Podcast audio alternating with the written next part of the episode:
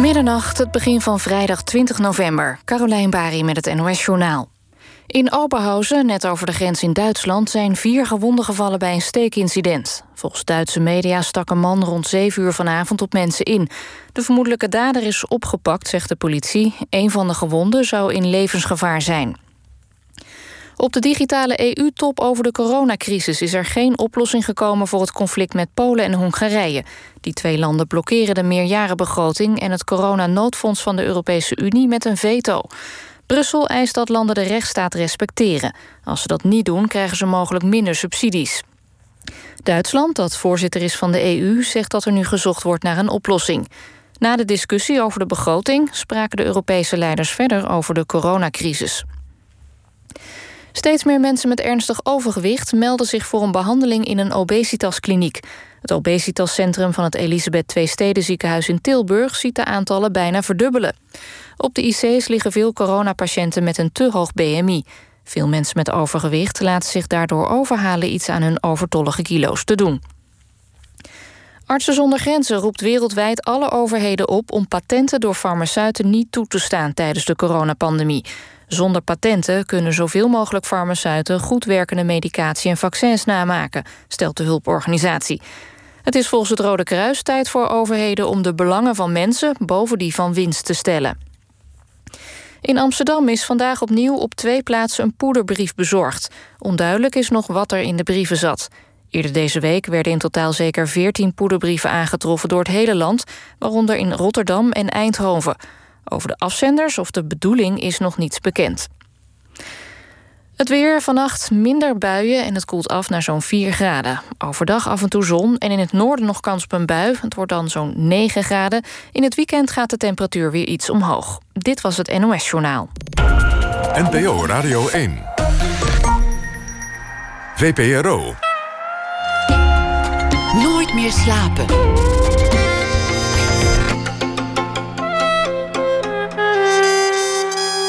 Met Pieter van der Wielen. Goedenacht en welkom bij Nooit meer slapen. Het mag weer. En dat iets mag, dat is zelden vanzelfsprekend. Dingen moeten, ze zijn verboden. Maar dingen die gewoon mogen, maar niet hoeven. Dus dat je gewoon zelf mag kiezen of je het wil of niet. Maar dat het in ieder geval mag. Nou, dat is heerlijk. Naar het museum dus. Kunstenaar Hans Broek die exposeert met nieuw werk in de Pont in Tilburg. En hij was zo aardig vast een privé-rondleiding te geven kende wel eerder werk van hem, dus ik weet dat hij perfect virtuoos en heel verfijnd kan schilderen als hij wil. Maar dit keer ramt hij de verf tegen het doek. Gerichte woede, doordachte furie. Wat is er gebeurd? Hans Broek die reist zijn hele leven al rond. Hij woonde op verschillende plekken. New York, LA. Maar dit keer was hij in Ghana, Suriname, Senegal. Schildert plekken die herinneren aan de Nederlandse koloniale geschiedenis. En daarmee ook aan zijn eigen voorouders. Een bloedige, mensonterende geschiedenis vol slavernij, onderdrukking, uitbuiting, geweld. Vandaar dus die furie. Hans Broek werd geboren in 1965. Welkom Hans. Dank je. Goed om hier te zijn. Het is, het is ook leuk dat je gekomen bent. En het was ook leuk om met je door een museum te lopen. Dus dat is helemaal niet meer vanzelfsprekend een museum of een theater. Nee, het was heel uh, aangenaam om dat gewoon ook zonder publiek te kunnen. Dat is natuurlijk een ontzettend luxe om uh, uh, gewoon de ideale plekken in te kunnen nemen om werk te kunnen zien. En, maar ik ben heel blij dat er weer publiek in het museum mag komen. En er worden al behoorlijk wat reserveringen genoteerd elke dag. Dus ehm, we zitten toch per dag gauw op 200 tot 300 mensen die naar het museum komen. Dus dat is heel fijn. Ja het werk gaat gezien worden. Eh, het, het, het werk is heel anders dan wat, wat ik eerder van je gezien heb. En wat ik net zei, sommige doeken heb je echt uh, expres slordig geschilderd. Of, of in ieder geval rauw geschilderd. Ja, ja, ja, het zijn inderdaad hele rauwe doeken. En uh, ja, het is eigenlijk een. Sommige doeken noem ik nogal een soort punkachtige uh, stijl. Eh, te zijn geschilderd. En eh, dat komt omdat het eigenlijk een aanklacht is tegen de, de, heersende orde van toen in ieder geval. En misschien ook wel tegen de heersende orde van nu. Tegen dus, het denken van nu. Ja, ja, ja, inderdaad. En uh, ik wilde absoluut niemand behagen met deze schilderij. Ik heb echt mijn best gedaan om het zo lelijk mogelijk te schilderen als ik kon. Maar mensen die van verf houden vinden het nog steeds heel erg uh, mooi vaak. Maar ehm, ik wilde het echt schilderen als een aanklacht. En, ehm, en niet iets mooier maken dan het uh, in werkelijkheid is. Want die realiteit is uh, zo afschuwelijk dat het absoluut niet uh, netjes of mooi of behagend geschilderd moet worden. Dat kan kunst soms doen. In Duitsland in, in de jaren 60 en 70 zijn er kunstenaars geweest die het land wilden wakker schudden. Zeggen: jongens, er is hier een geschiedenis die jullie niet onder ogen willen zien. Er is een verleden waar we het over moeten hebben. Mm -hmm. En via de musea kan je dat bewerkstelligen. Jozef Ja. Beuys heeft dat bijvoorbeeld gedaan. Ja, ja. Er zijn er andere geweest. Ja, En dat, dat was vaak ook kunst als een soort vuistslag. ja. ja heel belangrijke kunst. Ehm, je had natuurlijk Boyce was een hele belangrijke kunstenaar die ehm, zijn eigen eh, geschiedenis eh, eh, rechtstreeks verbond met de geschiedenis van zijn eigen land. Dus hij had deelgenomen aan de recente geschiedenis van Nazi-Duitsland. En ehm, hij heeft werk gemaakt wat heel erg ingewikkeld is. Maar wat wel opriep tot een soort rouw over die periode die ze samen hadden doorgemaakt. Dus Boyce was een hele belangrijke kunstenaar in die zin dat hij de weg plaveide voor heel veel andere kunstenaars, zoals eh, Kiefer bijvoorbeeld, die in zijn voetsporen verder gingen. En dat was kunst die aan de ene kant verbinding zocht of kon troosten, maar in ieder geval de aandacht wilde richten op dat verleden. Wat, wat Ja. moeten we eigenlijk Ja. met dat verleden? Daar, daar zit hem denk ik ook de vergelijking met het werk dat jij nu hebt gemaakt. Ja, inderdaad. Het, is, het Nederlandse verleden is natuurlijk heel erg eh, positief. Hè? Als we bijvoorbeeld naar de 17e eeuw kijken, dan hebben we kunstenaars zoals Vermeer en Rembrandt. En eh, Vermeer is natuurlijk eh, bekend vanwege de prachtige manier waarop hij licht kan schilderen. En Rembrandt eh, is heel erg beroemd door de psychologische diepgang die hij kan brengen in zijn subjecten. Maar van die prachtige psychologische diepgang en dat licht van Vermeer zag ik helemaal niets terug in die slavenkerkers of op die plantages eh, die in bezit waren van Nederland in de 17e eeuw. Dat gaat ook over Nederland in de 17e eeuw. En daar, daar merk je niets van licht. Want die ker- kerkers waar ze de slaven in opsloten tot het schip kwam, waren duister. Ja, dat waren hele donkere plekken. En je zag ook niks van empathie of, of een zachte blik. niks. Nee, er was absoluut geen psychologische diepgang eh, die die mensen hadden voor die eh medemens die daar opgesloten zat. En eh, van licht was al helemaal geen sprake. Dus die, di- die twee dingen zijn wel echt met elkaar verbonden. Je hebt die, die, die geweldige kunst uit de 17e eeuw, maar die is echt sterk verbonden met de praktijk van de Nederlandse cultuur aan die kusten van Afrika en Zuid-Amerika. We noemen het nog steeds de Gouden Eeuw. Die term is omstreden geraakt. Je zou misschien kunnen zeggen de Gouden Eeuw van de schilderkunst. Dat is een andere discussie. Maar de eeuw als geheel wordt ook Gouden Eeuw genoemd vanwege die koloniale geschiedenis. Vanwege Nederland als zeemacht over zee. Ja, ja, Dat, dat verleden gaat het over. Je hebt plekken bezocht die daarmee te maken hebben. Mhm. Je hebt eigenlijk wat meer gedaan dan plekken bezoeken. Want je hebt ook echt op, op een aantal plekken gewoond. Ja ik heb Langdurig. tijd- ja, ik heb Waar, tijd, ben je allemaal geweest? Ik heb een tijd in Ghana gewoond. En eh, ook een eh, nog langere periode in Dakar. En eh, dat was ontzettend interessant om gewoon tussen de, de Ghanese te wonen en de, de, de, de mensen uit Senegal. En ik, er gingen echt weken voor, voorbij dat ik geen witte persoon zag. En als ik dan een keer ergens een spiegel tegenkwam, schrok ik van mijn eigen gezicht, omdat het zo ontzettend eh, wit was, ook al was ik behoorlijk bruin. Maar ehm, ik kwam uit New York en het, eh, New York was ontzettend ehm, duur geworden de laatste jaren. En ehm, het ging alleen maar over geld, geld en geld eh, bij elkaar schrapen. En verder eigenlijk over weinig. En toen kwam ik in, in Dakar aan. En daar was het leven ging helemaal niet over geld. Maar ging gewoon over samen eh, barbecuen, samen muziek maken, praten over kunst, praten over politiek. Of over allerlei andere alledaagse dingen. Dus ontzettend humaan en heel erg, ehm, ja, een soort, soort, soort familie waar ik in werd opgenomen. Het was heel erg prettig. Waar, waar woonde je? Want dit klinkt niet alsof je op een compound woonde met, eh, Nee, met nee, een muur nee. eromheen en bewaking. Nee, ik woonde in wat ze daar zelf eh, de ghetto noemen.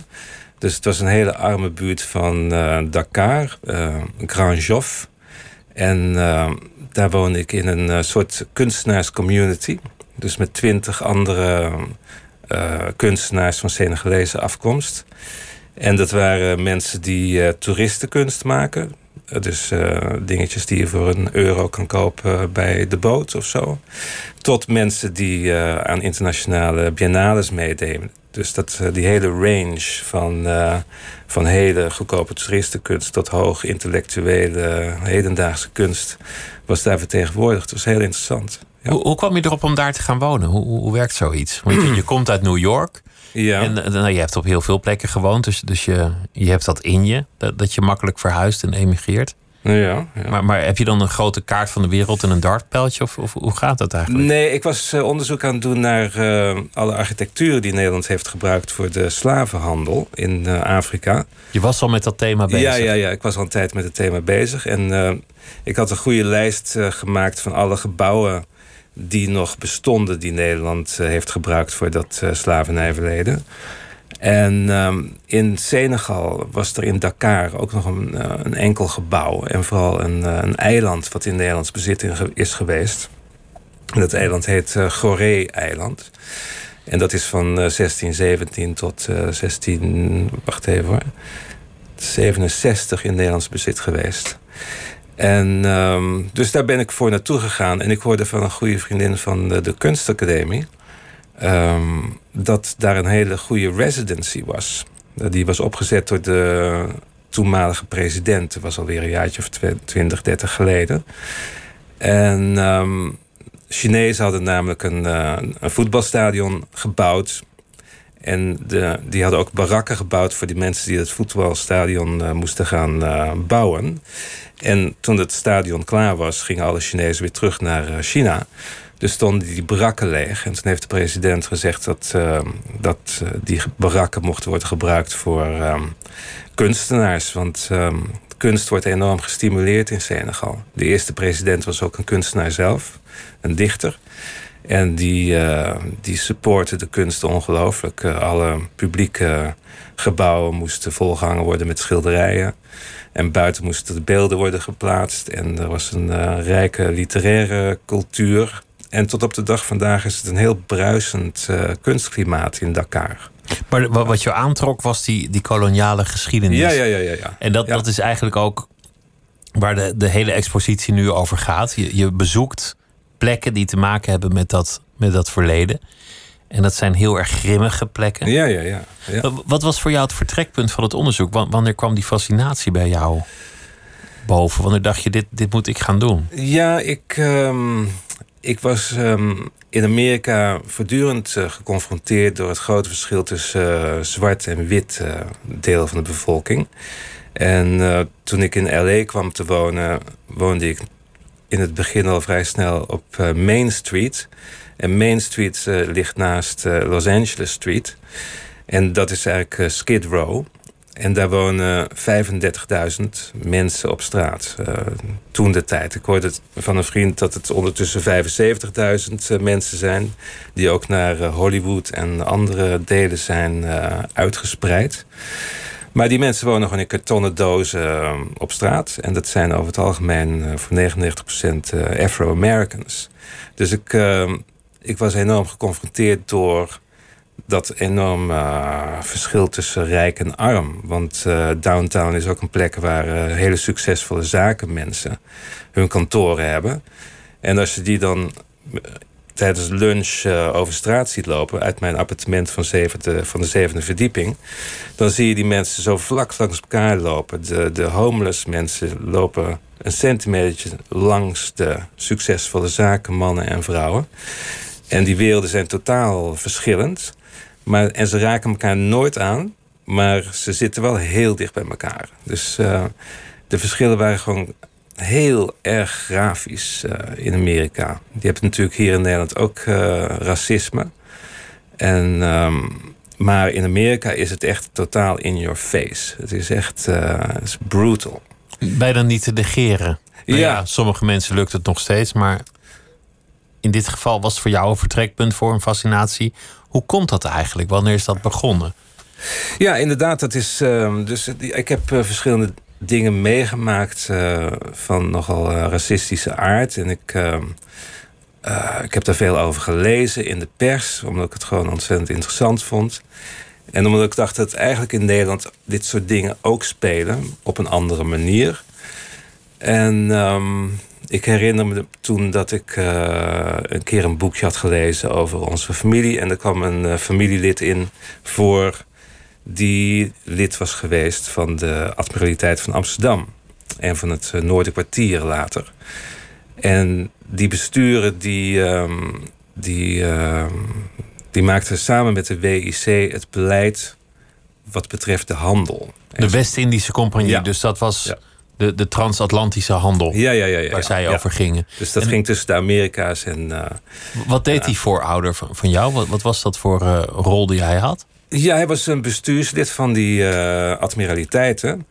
En als bestuurslid maakte hij dus beslissingen over de koers van, van de jonge republiek.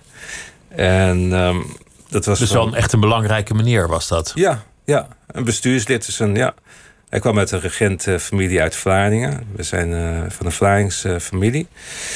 En hij wilde carrière maken en is toen naar Amsterdam gegaan. Omdat Amsterdam natuurlijk een hele bruisende stad was in vergelijking met Vlaardingen. En uh, hij trouwde daar met een, uh, in een Amsterdamse uh, familie uit de elite. En de familie Klok. En dat betekende dat hij ook toegang had tot, tot de handel en politiek van Amsterdam. Dat, dus op die manier kwam hij in zo'n wereld terecht. En hij is ontzettend succesvol geweest. Hij heeft uh, in nou, misschien wel tientallen besturen gezeten van allerlei spinhuizen. En ik weet niet wat voor, voor verenigingen ze het allemaal hadden, maar het was een heel succesvolle persoon. Maar hij was dus ook bestuurslid van, van die twee admiraliteiten. En die maakten gewoon beslissingen over wat ze deden met die zwarte mensen die ze vonden op Portugese schepen die ze aanhielden op zee. Heb je ook gevonden dat hij rechtstreeks besluiten nam of betrokken was bij, bij slavenhandel? Nee, dat werd altijd met een groep gedaan. Alles ging uh, collectief. Ja, het was altijd de heren 8 of de heren 10 of de heren 12. Dat was, uh, dat was nooit een individuele beslissing. Dus het kan best zijn dat hij zich er tegen uitgesproken heeft ik heb er geen enkel uh, dat zou je bewijs van gevonden. Nee, maar hij heeft dat zo lang gedaan dat ik me niet kan voorstellen dat je dat, je dat zomaar. Uh, ja, dat, dat je dat uh, tegen je wil doet. Je schildert hem ook. En het is misschien bijna een, een spoiler, omdat dat. Ja. Zoals ja. wij de tentoonstelling zagen in een volgorde, dan, dan komt hij als laatste. Hmm. Maar, maar goed, je kan, je kan in dat museum langs alle zalen binnenlopen. Je schildert hem ook, dus je plaatst hem ook midden in dat gruwelijke verleden. En daarmee jouzelf als kunstenaar ook. Daarmee wordt het ook iets dat jou persoonlijk aangaat. Jazeker. Het is ja. woede over jouw vaderlandse geschiedenis, ja. maar het is ook uh, ja, afstand nemen van jouw voorouders in Ja. zekere zin. Ja, ja het, is, het is echt uh, verbijsterend om uh, je in te denken dat, zeg maar onder het genot van een kopje koffie en een appelpunt, dit soort beslissingen over grote groepen van de bevolking worden genomen. Dat je mensen gewoon uh, ja, kunt gevangen nemen, kidnappen, uh, deporteren, tot slaaf maken, slavenarbeid laten verrichten zonder dat je daar. Uh, verkrachten. Verkrachten. Hè? Er zijn een hele reeks van, van misdaden tegen de mensheid die Nederland ja, gewoon dagelijks uitvoerde voor een periode van 2,5 eeuw lang. En het is echt verbijsterend uh, dat mensen daartoe in staat zijn. Ik heb lang gezocht naar een juist woord om uh, dit te typeren. Sommige mensen noemen het uh, beestachtig, maar ik denk niet dat beesten elkaar dit soort dingen aandoen.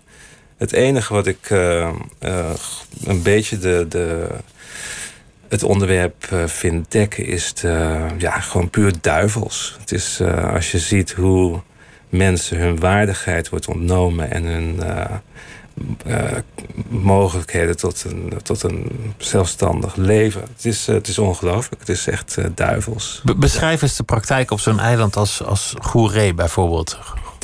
Ja, de Goeree was een eiland, is een eiland voor de kust van Dakar. Het is ongeveer 10 minuten varen met een ferry. Dus te ver weg van het vasteland om daar toe te zwemmen. En de, het water om dat eiland zit vol met haaien. Want uh, de gevangen genomen mensen die ziek zijn, worden gewoon in het water gegooid. En die haaien weten dat er een soort regelmaat is van zieke mensen die daar in zee gegooid worden. Dus het is levensgevaarlijk om daar zo uh, te gaan zwemmen. Ook al is het ook is er een heel sterke stroming. Dus mensen gaan er absoluut niet uh, vandaan naar het vasteland zwemmen. Dus de mensen konden daar aan een, uh, gewoon een grote bal geketend op straat staan. Maar ze werden ook in privéhuizen in speciaal daarvoor gemaakte cellen opgesloten. En er is nog één zo'n belangrijk slavenhuis wat er staat op dat eiland. Een van de honderden of tientallen. Het is moeilijk te bepalen hoeveel het nou precies zijn geweest. Maar het zijn er in ieder geval heel veel geweest. En die, uh, ja, de situatie van zo'n gebouw was dat op de begane grond had je de cellen voor de mannen en de vrouwen en de kinderen. En die zaten met hun enkels en met hun polsen en met hun nek aan de muur en de vloeren geketend. En op de eerste verdieping met een prachtig uitzicht over de oceaan woonde de, de slavenhandelaar in uh, grote luxe. Dus er, uh, tussen die begane grond en de eerste verdieping zat een heel dun plank vloertje. Van uh, een plank zeg maar van nou, twee centimeter dik. Dus het is onwaarschijnlijk hoe ehm, en vrouwen werden ook ontvoerd van de benedenverdieping naar boven om daar even misbruikt te worden en weer, weer teruggegooid. Ja, ja, ja. En dat was in de, in de forten ook uh, aan de orde van de dag. Ja. Dus je had een, een vrouwenkerker. En die werd door de plaatselijke Hollanders uh, hoerenhol uh, genoemd. En dat, ja, dat zegt het al. Ik bedoel, de gouverneur die kon dan vanaf zijn veranda aanwijzen welke uh, schoongewassen vrouw die van de binnenplaats uh, mee naar boven wilde nemen voor seks. Dus dat was uh, ook iets wat dagelijks gebeurde. En ja. gruwelijk. En je, je, schildert ook de andere kant in, in Suriname. Ja. De, de, Hollandse herenhuizen waar het geld verdiend werd. Ja. Waar, waar de, de rijkdom te, te zien was. Ja. Getoond werd. Dus, dus je gaat eigenlijk de architectuur langs Langs allemaal plekken die met onze geschiedenis te maken hebben, die we liever niet onder ogen komen. Ja, inderdaad. Ja, ik heb gewoon puur voor die architectuur gekozen, omdat ik uh, me heel goed besef dat het natuurlijk een heel belangrijk zwart uh, onderwerp is. En uh, ik heb gemerkt op mijn reizen dat zwarte mensen veel meer over witte mensen weten dan wij zelf. En over de witte geschiedenis weten. Dus ik vind het ook heel erg belangrijk dat zwarte mensen die verhalen uh, zoveel mogelijk vertellen. En uh, ik wilde gewoon graag uh, de, de uh, pure Nederlandse kant van de zaak belichten.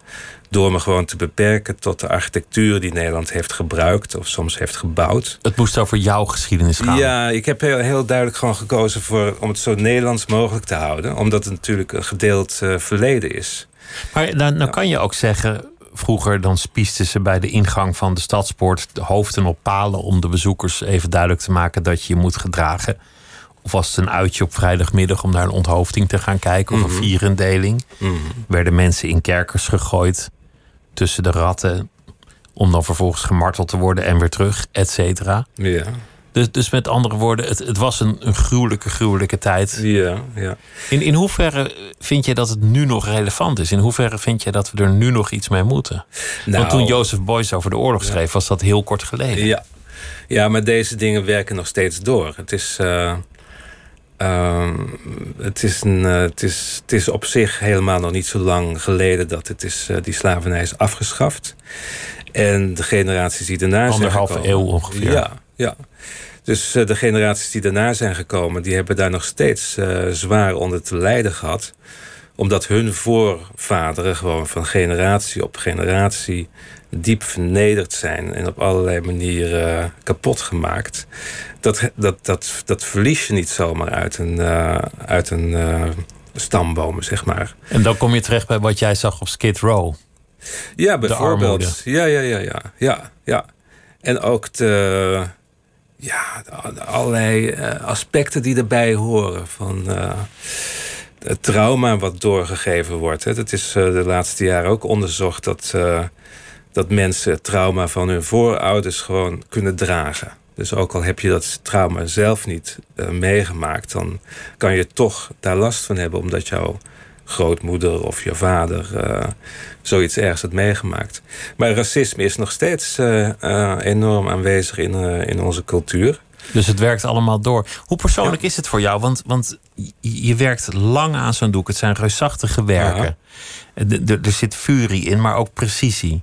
Je kijkt naar die plek en probeert ze zo goed mogelijk neer te zetten, maar tegelijk met, met passend bij het onderwerp een soort, soort ruwe schilderstijl. Mhm. En dan, dan maak je ook nog een voorvader die je heel precies portretteert en dus in de ogen kijkt. Dus dit gaat ook over jouw confrontatie met dat verleden. Hoe, hoe persoonlijk trek je je dit aan? Um, ja, ik uh, trek het me heel persoonlijk aan. Um, in de zin dat ik begrijp dat onze samenleving nog steeds op diezelfde manier verder gaat voor een groot deel.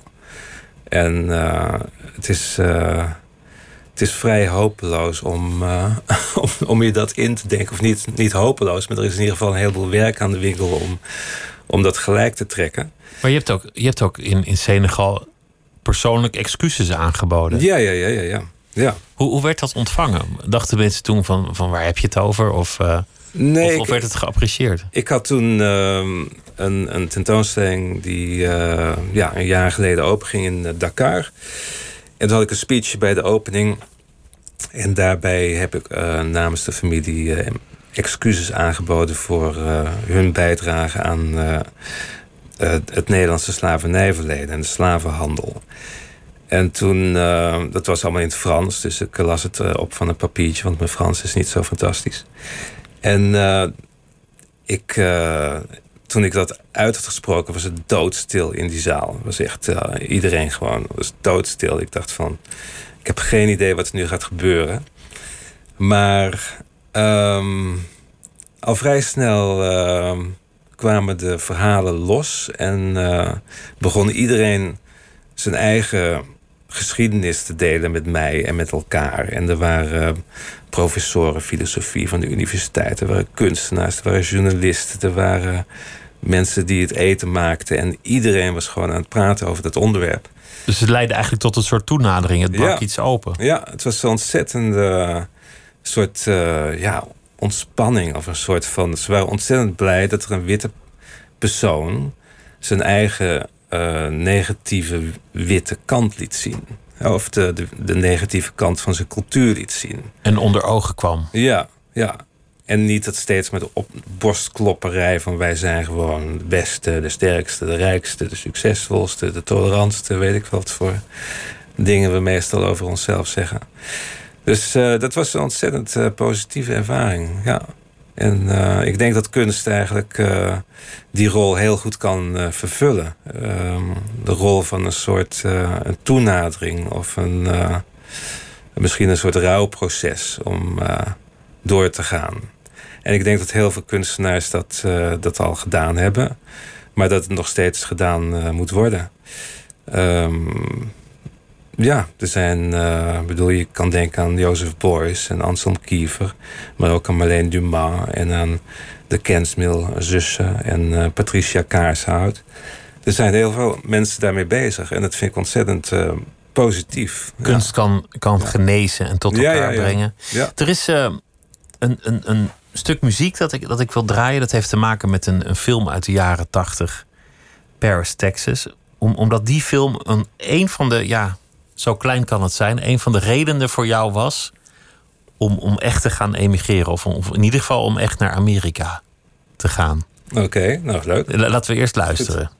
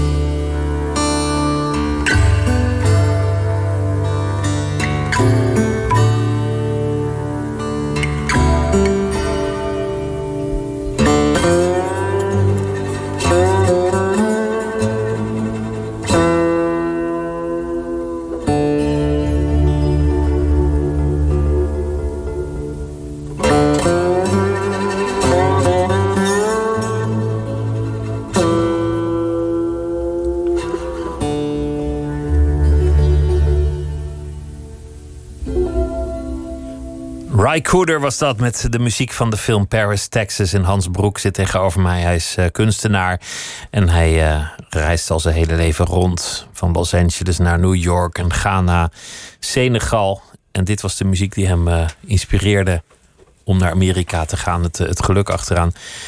Waar groeide hij eigenlijk op? Ik ben geboren in Veenendaal. Dat is wel iets anders dan Los Angeles. Ja, dat is iets anders. Ja, ja, ja. En toen, en toen zag je deze film? Of, of, of hoe ging dat? Toen, toen was je daar misschien al weg? Ja, ik zat volgens mij in de eerste klas van de kunstacademie. En um, toen was er een film in de bioscoop die heette Paris, Texas. En ik vond het een hele mooie poster hebben. Dus ik dacht, ik ga daar maar eens naar kijken. En ik vond het echt een geweldige film. Fantastische film. En, um, maar ik wist niet precies waar die stad was uh, die ook in de film voorkomt.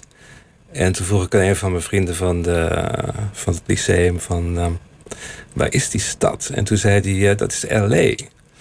Dus ik had nog een, een, een klein briefje van uh, topografie, adreskunde uit de derde klas of zo. En dan zag je Amerika, dan had je linksboven had je N-Y... en rechtsboven had je N-Y... en linksonder had je L-A. Dus daar, oké, dat is L.A. dan waarschijnlijk helemaal aan de westkant van uh, Amerika. Dus uh, ik vond het uitermate fascinerend. En uh, ik ben er uiteindelijk uh, naartoe gegaan in 1995. Ja. Wat, wat zocht je daar? Nou ja, ik had het ehm, idee dat ik een beetje de top had bereikt in de Nederlandse kunstwereld. Want ik, had, ik werkte met de beste galerie van Nederland. En ik had wat tentoonstellingen in musea gehad. En ik, uh, ik zag eigenlijk niet zozeer hoe ik nog uh, verder moest in Nederland. En uh, ik dacht, ik ga dat gewoon in Amerika even snel overdoen. Dus, dat, dus je zocht eigenlijk roem, fortuin, erkenning, glamour, dat soort dingen? Nou ja, nee, nee, nee. Ik was ik was gewoon heel erg gefascineerd door Amerika. Ik vond dat er ontzettend goede kunst uh, vandaan kwam. Een hele goede films, een hele goede muziek. En ik vond het uh, landschap fantastisch. En ik was ook verliefd op een vrouw die in uh, L.A. woonde. Dus al die dingen bij elkaar maakt het heel makkelijk voor mij om te besluiten om daar naartoe te gaan. En het is je gelukt, want, want, want je hebt het in ieder geval een flinke periode uitmuntend gedaan in L.A. Ja, ik heb het heel goed gedaan. Ja, ja ik kwam ik, ten eerste kreeg ik een visum wat ik nooit had verwacht te zullen krijgen. Want ik uh, was van plan om drie maanden naar Amerika te gaan. En ik wist dat het heel erg gevaarlijk was om een dagje langer te blijven. Dat je dan enorm in problemen kon komen. Dus ik ging naar het consulaat om een visum uh, aan te vragen. En ik dacht, misschien krijg ik een maandje erbij of zo. Maar toen kreeg ik een visum voor tien jaar. Dus dat opende allerlei deuren voor mij. En ehm, toen ging ik lesgeven aan de UCLA. Dat is de University of California in Los Angeles. Aan de Art Department. En uh, ik had er bijzonder goede collega's en hele goede studenten. Ik ben daar wel eens geweest op ja? een soort open dag. Dat, is een, dat is een fenomenale academie. Ja, ja, ja, ja, Echt een bruisende plek is dat. Ja, ja. Ja, het zijn uh, enorme goede faculty. Je had uh, John Baldessari en Paul McCarthy... en Charles Ray en Chris Burden en noem ze allemaal op. Dat waren mijn uh, collega's. Maar de studenten waren ook buitengewoon goed. Ze hadden, uh, deze faculty had een hele goede neus voor uh, echt bijzonder talent. Wat je niet op alle kunstacademies automatisch hebt. En het was dus een bijzonder interessante periode om te werken voor mij. Hoe, hoe vond je die kunstwereld daar? Hoe vond je het om, om, om te werken in een omgeving waar nou ja, waar, waar iedereen voor maximaal succes gaat. Dus, dus waar, waar heel veel ambitie is. Ja. Misschien ook wel voor competitie. Veel, nou ja, veel drang, veel honger. In die tijd was het dus echt al mogelijk, of zagen de studenten van dat je uh, kunstenaarschap als een succesvolle baan kon doen. Weet je wel, toen ik op de kunstacademie zat, was het zo van, nou ja, je bent echt gestoord om, uh, om dit te gaan studeren. Want uh, de kans dat je iets uh, voor elkaar krijgt professioneel is heel klein. Maar deze studenten die ik had, die zagen dus al die voorgangers van hun gewoon naar die mega galleries gaan. En gewoon echt een behoorlijk goed leven daarvan hebben. Dus het kost ook wel wat investering hoor. Want zo'n opleiding kost je toch, toch wel gauw een paar ton. En niet iedereen kan het opbrengen. En uh, maar bij zo'n opleiding hoort wel dat, er, dat de beste dan een kans krijgen bij een goede galerie. Of dat nou in LA is of in New York. Dus uh, zeg maar 20% van die studenten krijgt een kans bij een grote galerie. Dus uh, ja, dat is, de, gamble. En uh, die, ja, dat gokspel kan je heel snel verliezen. ik, ja, een student van mij, een hele goede schilder, die, had, die stuurde een e-mail naar alle grote galeries in New York. Maar dat ze dus ook van elkaar konden zien dat die andere persoon ook een, uh, die andere galeries ook een, uh, diezelfde e-mail hadden gekregen. En die is daarna gewoon totaal verdwenen. Dat was gewoon. Uh, door eens zo'n foutje in wie je, wie je ja. Dat kan je fataal worden. Zo fel is de competitie. Ja, dat gaat niet echt over de kwaliteit van, van iemands kunst. Nee, nee, nee. Maar je, moet, je, moet, je kan helemaal geen fout maken. Gewoon. Het is, je moet heel erg uitkijken dat je geen, geen misstap maakt. Dus je kunt snel stijgen, je kunt snel vallen. Ja, ja al die ja, dingen. Ja, ja, ja, ja. Je, je, je, zat in New York alweer, alweer een tijd. Had je een mooie woning en, en, en, en een mooie, mooi atelier en, en een goede galerie en al dat soort dingen. En uiteindelijk ben je daar weggegaan toch ook omdat dat het op een zeker ogenblik niet meer lukte. Ja, het kunstenaarschap is een beetje van, uh, van eilandje naar eilandje zwemmen financieel. Tenminste in mijn geval. Dus, uh, en dat ging eigenlijk uh, twintig jaar goed. Maar dan op een gegeven moment heb je een paar dingen die misgaan. Een tentoonstelling die wordt verschoven. Een opdracht die niet doorgaat. En nog een paar van dat soort kleine dingen. Zit je opeens met een soort gat. En dan uh, is het opeens een heel hard leven dat je gewoon op straat wordt gegooid. Als je niet op tijd weg bent. Dus ik moest als de bliksem wegwezen. Maken dat je wegkwam om niet ook op Skid Row te eindigen of, of een soort gelijke plek Nee, het is keihard, ja, ja, ja. ja. Dus... Maar, dat, maar, dat, betekent eigenlijk ook dat, dat, dat die carrière, die glans die je even meemaakt van hé, hey, we, we, hebben de next big thing. Ja. Dat dat gewoon ineens weer voorbij kan zijn. Ja, dat kan heel snel voorbij zijn. Ja. Merk je dat zelf dan, als dat gebeurt? Dat, dat die glans Ehm, eraf gaat?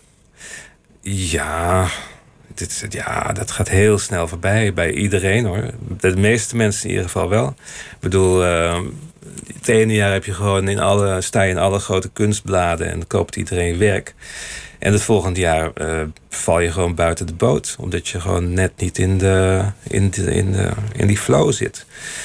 Dat gebeurt. Uh, omdat je niet modieus bent of ja. omdat er, dat er iemand Ja. anders het heeft overgenomen. Ja, je werk is net uh, niet meer hip genoeg. Of, of je doet een show die misschien niet zo heel erg scherp was.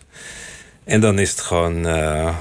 dan, ja, dan, dan wordt er gewoon uitgeknikkerd. En die galeries, gewoon het midden. Maar je zegt dat heel terloops. Je zegt dat bijna zonder emotie. Word je er gewoon uitgeknipt voor de dag, dan is het gewoon voorbij. Dat, nee, maar dat, dat, weet je ook. Je ziet het voortdurend je wist, je wist al die tijd dat dat zou kunnen gebeuren. Ja, dat, ja, nee, maar ik ken mensen die hebben bij uh, echt hele grote galeries gezeten. En die uh, verkochten hun werk voor uh, tonnen. En op een gegeven moment betalen die grote galeries die kunstenaars niet meer uit. En denken die kunstenaars, ho, ho, ho, ik dacht dat we iets verkocht hadden.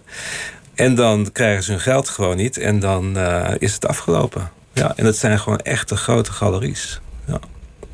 Het gek is dat mensen vaak op het, op het hoogtepunt denken dat het nooit meer voorbij zou gaan. Het geld er doorheen jassen, omdat dit hun nieuwe standaard is geworden. En het mm. hoort er ook bij, bij de status, dat je, dat je nou ja, een mooie wagen en een mooi pak en een, en een mooi, uh, mooi appartement hebt.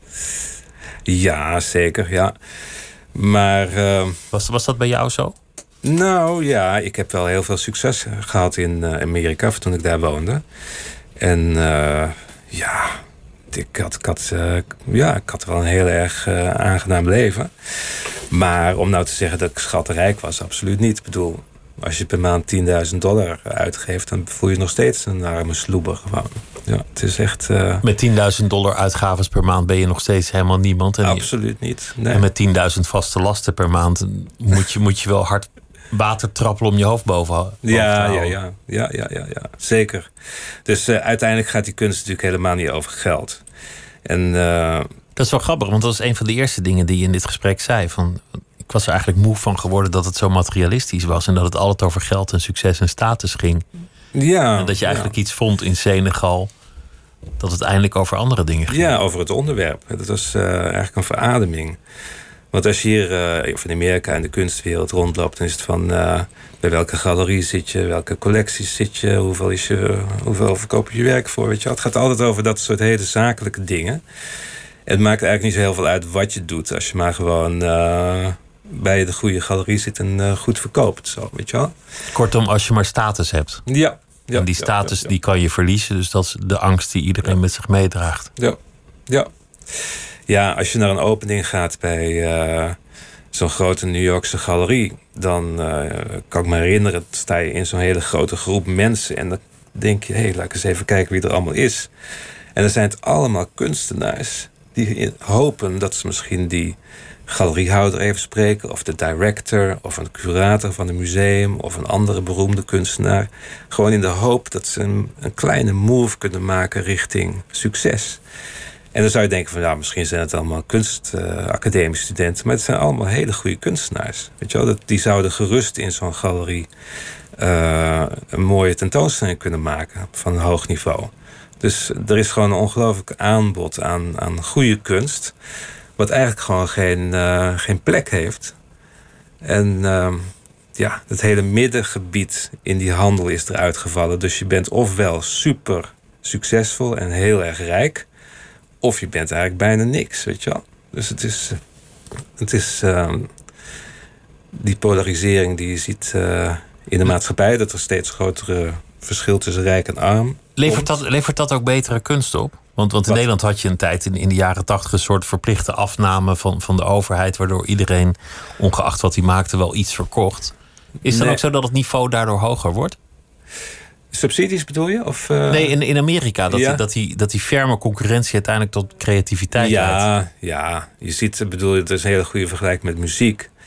Je kan uh, een bandje zien opstreden in, uh, in Amerika. Wat absoluut uh, niks verdient, maar ontzettend professioneel klinkt. En een hele goede sound heeft. Weet je wel? Dus mensen weten wel wat de voorwaarden zijn voor goede muziek. Ze weten wat de voorwaarden zijn voor goede kunst. En ik denk dat het in Nederland ook aan het veranderen is. ik kom uit een academie waar het eigenlijk niet zo nodig was om over je werk te praten. En, maar door gewoon te praten en te denken en te theoretiseren over je werk, maak je ook weer stappen, zodat je werk toch weer uh, beter kan worden en zich kan ontwikkelen.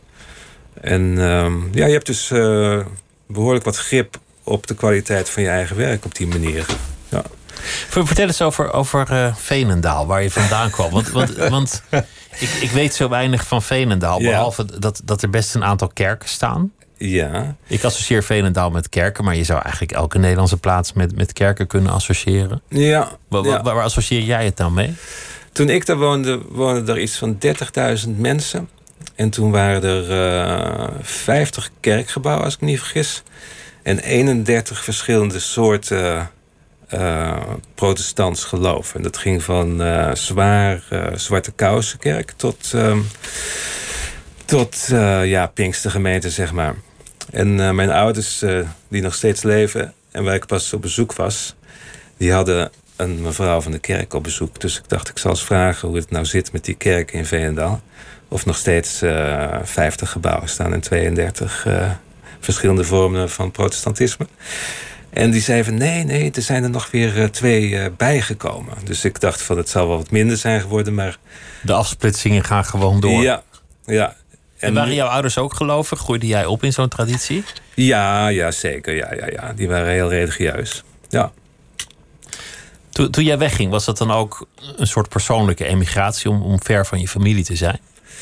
Om, om echt opnieuw te kunnen beginnen? Ja, ik denk dat ik dat wel heel erg graag uh, wilde doen, ja. Ja, gewoon uh, dingen ontdekken. En uh, ik vind het fantastisch om uh, naar een stad te gaan waar je niemand kent en waar je niks kent. En gewoon vanuit je plek waar je dan toevallig geland bent, per meter die stad te gaan ontdekken, vind ik een ontzettend. En niemand rijkdom. kent jou, dus, dus je bent ook vrij om te Ja. worden wie je wil zijn Ja. op dat moment. Ja, het is fascinerend. Ja. Dus eh, ja, ik denk. Ik heb het altijd als iets heel gezonds ervaren om, eh, op een vliegtuig eh, te stappen en eh, alles achter je te laten. Dat heb ik altijd heel erg aangenaam gevonden. Een lekker gevoel. En, en Ja. thuiskomen, wat voor gevoel geeft dat? Is, dat? is dat leuk of niet leuk? Thuis, wat bedoel je met thuis precies? Nou ja, dan bij je ouders als je daar langs gaat, Oh, bij de ouders. Ja. Ehm, ja, nee, die, die mensen zijn 92 en eh het zijn hele lieve mensen. En, eh, dus ik, ik hoop dat ze nog heel lang eh, leven. En eh, gelukkig zijn zoals ze nu zijn. Dus ik hoop dat dat eh, gewoon zo blijft. Ja. Maar ze zijn natuurlijk wel wat ouder. En, dus je kan niet over al te veel ingewikkelde dingen meer hebben. Maar dat is ook weer helemaal niet zo heel erg eigenlijk. Het is eigenlijk wel aangenaam. Ja, Om het niet meer over de ingewikkelde dingen te hoeven hebben. ja inderdaad, inderdaad. Dat je op een gegeven moment zegt, nou ja, ja. laat maar rusten. Dat, Mhm. dat is allemaal geweest. Ja. Zou, zou je zeggen dat, dat, dat je gelukkig was in je, in je jonge jaren? Ja, ik heb wel gelukkig eh, ja, dingen meegemaakt. Maar het is ook wel heel erg, eh, wat zal ik zeggen? Een beetje beperkt in zo'n klein dorp, weet je wel? Beklemmend. Ja, ja, ja, ja, ja. Ja, ja het was toch... eh, ja, het is een beetje behoorlijk saai eigenlijk, ja. Maar ik zat op de middelbare school, eh, op, eh, op het lyceum... en daar, eh, er waren een paar hele intelligente kunstenaars... al in, eh, op de, in de vijfde en zesde klas. En dat, ja, dat was echt een, een bevrijding om met die mensen te kunnen praten... en dingen te kunnen doen. Om je horizon te verbreden Ja, via ja, het ja, ja, beeld, ja. via de kunst, via het schilderen. Ja, ja. Maar bij jou in, in je laatste werk is het eigenlijk ook een vorm van nou ja, therapie om dingen aanhangig te maken. Een soort collectieve therapie. Niet therapie voor jou persoonlijk, Ja, ja, ja, ja. maar, maar therapie voor ja. de, de toeschouwer, de bezoeker. Nou ja, het is een soort psychoanalyse van een land, weet je wel? Ja, Want eh, het is net als met mensen. Eh, mensen laten zich het liefste van een positieve kant zien. En de wat minder positieve of negatieve dingen... die, die schuiven ze maar het liefst een beetje onder het eh, vloerkleed. En zo is het met de natie ook eigenlijk. Hè? Die laat zich het liefste van de positieve kant zien. Maar de negatieve dingen, die moeten maar gewoon een beetje weggemoffeld worden. En ik ben die onder het vloerkleed aan het eh, vandaan eh, trekken. want dat zwijgen, dat staat je niet aan. Nee, ik denk ook dat het heel belangrijk is voor ons land om, eh, om verder te kunnen. En dat kan je alleen maar als je gewoon goed weet wat je in het verleden hebt gedaan. En, Wel eh, interessant, want je zegt in je, in je eigen leven voor een deel... het is ook wel fijn als je het niet meer over dingen hoeft te hebben. Het is ook wel fijn als je over dingen kan zwijgen... of als je ze kan laten rusten of het doet er allemaal niet meer zoveel toe. Zeker. Maar ergens is er ook een drang om dingen bespreekbaar te maken... en onder het tapijt vandaan te halen. Ja, maar dingen die, eh, weet je wel, als dingen zoals eh, het Nederlandse slavernijverleden en de slavenhandel gewoon heel weinig worden besproken en eigenlijk niet bestaan in het dagelijks leven, dan betekent dus dat je een bepaald deel van jezelf hebt eh, onteigend. En dit is gevaarlijk, want eh, ehm, dat zijn hele kwalijke dingen die toen zijn gebeurd. En als je ze niet door en door eh, kent en niet door en door begrijpt, dan heb je de kans dat je het weer gaat doen. En eh, ik denk dat we moeten proberen om eh, dat soort dingen zoveel mogelijk te voorkomen. En dat kan alleen maar door in de spiegel te kijken en eh, gewoon de duistere kant te zien. De die, geschiedenis eh, onder ogen te zien. ja. Het, het deed mij denken aan, aan, die, aan die prachtige werken van Armando... dat hij de bomen bij Auschwitz schilderde. Een soort schuldig landschap. Die, Ja. boom- die bomen zijn prachtig zoals hij ze schildert. Maar Mhm. als je dan weet waar je naar kijkt... dan, dan denk je, god, die, die bomen die, die stonden er toen al. Ja, En in jouw geval gaat het om, om gebouwen. ja. Als je de geschiedenis niet zou kennen... zou je het, zou je het soms ook hele mooie gebouwen kunnen vinden. Maar, maar die, hebben, die hebben veel van het leed gezien. Ja, ja dat, die muren zijn doordrenkt van, eh, van, van, van leed. Ja, en de, en de vloeren. En eh, ja, dat is. eh, ja, en het, het ruikt nog steeds naar de dood, ook die plekken. Het is echt het is een heel intense lucht. Het is, het is op de achtergrond, maar je ruikt het wel. En dat wordt voortdurend overgekalkt met witte verf, maar ze krijgen die lucht er gewoon niet uit. Dus ehm, ja, ik vind het, eh, ja, voor mij was het een ongelooflijke openbaring of een eye-opener om dat deel eh, van onze geschiedenis te zien. Wat niet zomaar een week of twee weken of een jaar of tien jaar was, maar gewoon tweeënhalve eeuw lang. Eh, gewoon officieel Hollands overheidsbeleid is geweest. Om te plunderen en, en ja, te roven. Ja, ja, ja. En allerlei, een heel scala aan mensen, of, misdaden tegen de mensheid uit te voeren. Ik heb, je hebt een moord, een slavernij, deportatie, willekeurige gevangenneming, marteling en verkrachting. Dat is, was gewoon aan de orde van de dag. Tweeënhalf eeuw lang. dat is, zijn toch wel dingen waar je bij stil moet staan en waarschijnlijk wel moeite voor moet doen om even een periode op te mediteren wat dat nou precies inhoudt. Terwijl generaties leerden dat dat de gouden glorietijd van, van, het land was. Ja. Hoe, hoe, is het nu voor jou om, om te schilderen? Want je, je bent terug in Muiden, je hebt daar, je hebt daar een, uh, een mooie plek. Maar dit, dit zijn tamelijk intense doeken. Veel, veel verf, veel lagen. Nou, het is eigenlijk... Dus dat betekent uh, allereerst al veel op en neer naar de verfwinkel. Ja, nou die komen het brengen. Die? Oh, die ja, die komen het brengen. Ja. Maar uh, ja, er, er is voor deze tentoonstelling uh, gigantische hoeveelheid verf erheen gegaan. En uh, iets van 70 liter of zo. En dan nog allerlei uh, droogmiddel wat er doorheen moest, om, omdat het anders nooit droogt. Dus die schilderijen zijn loodzwaar. Maar het is een soort. Dus je ja. kan ze zelf dan niet meer verplaatsen als je ze eenmaal af hebt? Nee, nee. Dus nee. je zet een doek neer, dat, dat, dat, dat kan je nog wel tillen. En als je dan klaar bent, dan, dan moet je iemand Ja. bellen, kan je hem even helpen. Nou ja, het lukt me dan nog net om het zelf te doen. Maar het is absoluut geen. eh, het is best gevaarlijk om die zware dingen eh, te, versja- te versjouwen. Je moet ze niet op je hoofd krijgen. En hoe is het dan om, om, om dat te maken? Wat, wat is dat voor proces? Ja, het is eigenlijk. eh, een goede vriend van mij is een hele goede pianist. En als ik hem soms zie studeren op zijn piano. Dan, dan stopt hij met zijn vingers die, weet je wel, eh, in die toetsen zo. En dan krijgt hij gelijk dat geluid uit die klankkast van die eh, piano terug. En zo is het eigenlijk met die schilderijen ook. Ik, eh, ik schilder heel direct. Met grote paletmessen en hele grote paletten met een berg verf erop. En die metselde ik eigenlijk gewoon tegen het doek op. En, dus het gaat eigenlijk met, met grof geweld. En dat voelt heel erg eh, goed om dat zo te doen. Het is echt een soort eigen taal die ik, eh, waar ik me bij thuis voel. Als kunstenaar in het begin van je carrière ben je eh, net zoals een band op zoek naar je sound, weet je wel? Van een sound die je onderscheidt van andere kunstenaars of andere bands. Dus op een gegeven moment vind je die sound, zeg maar. En dan is dat gewoon jouw manier van dingen doen.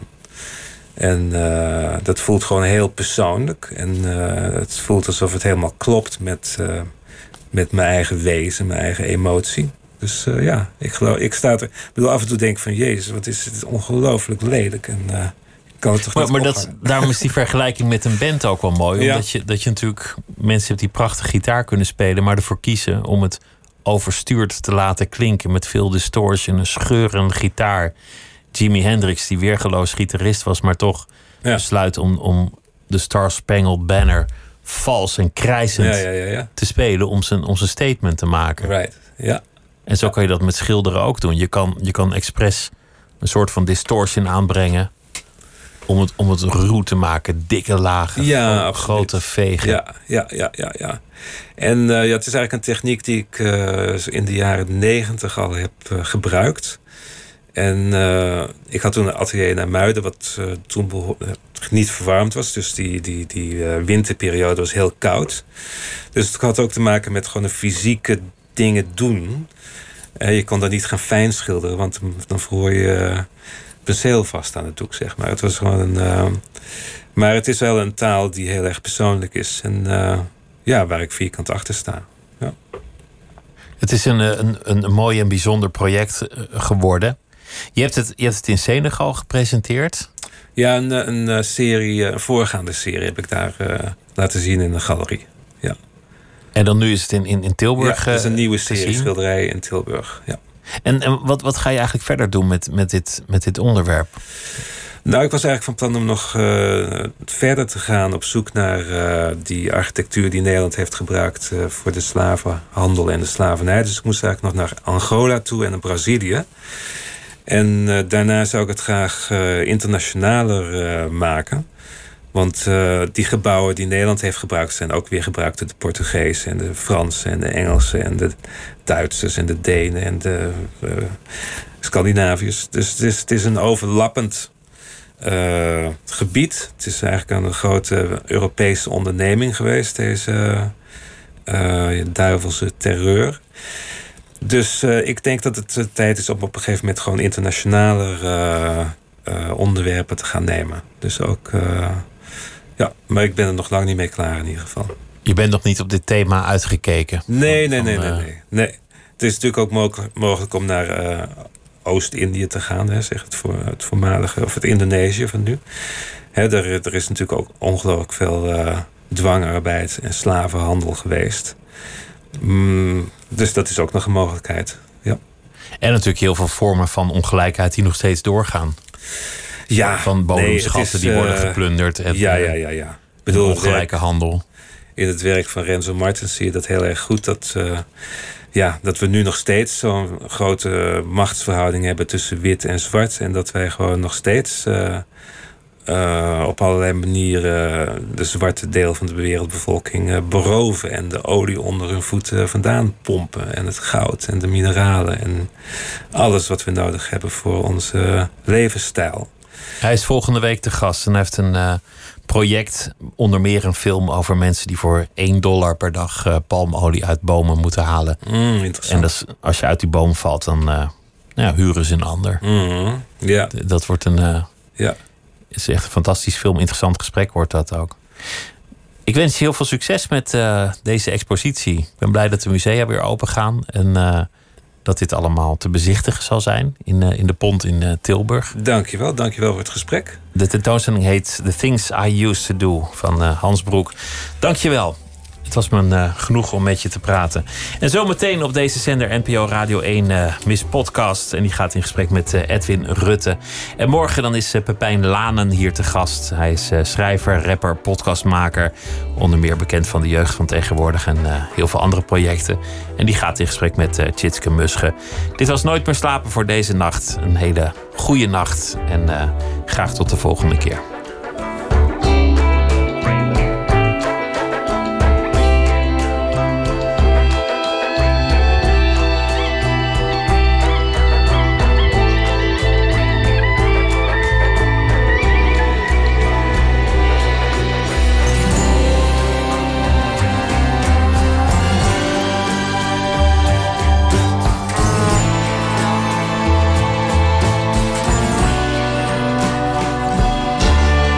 Radio 1.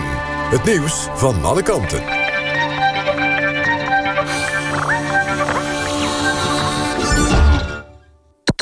NPO Radio 1.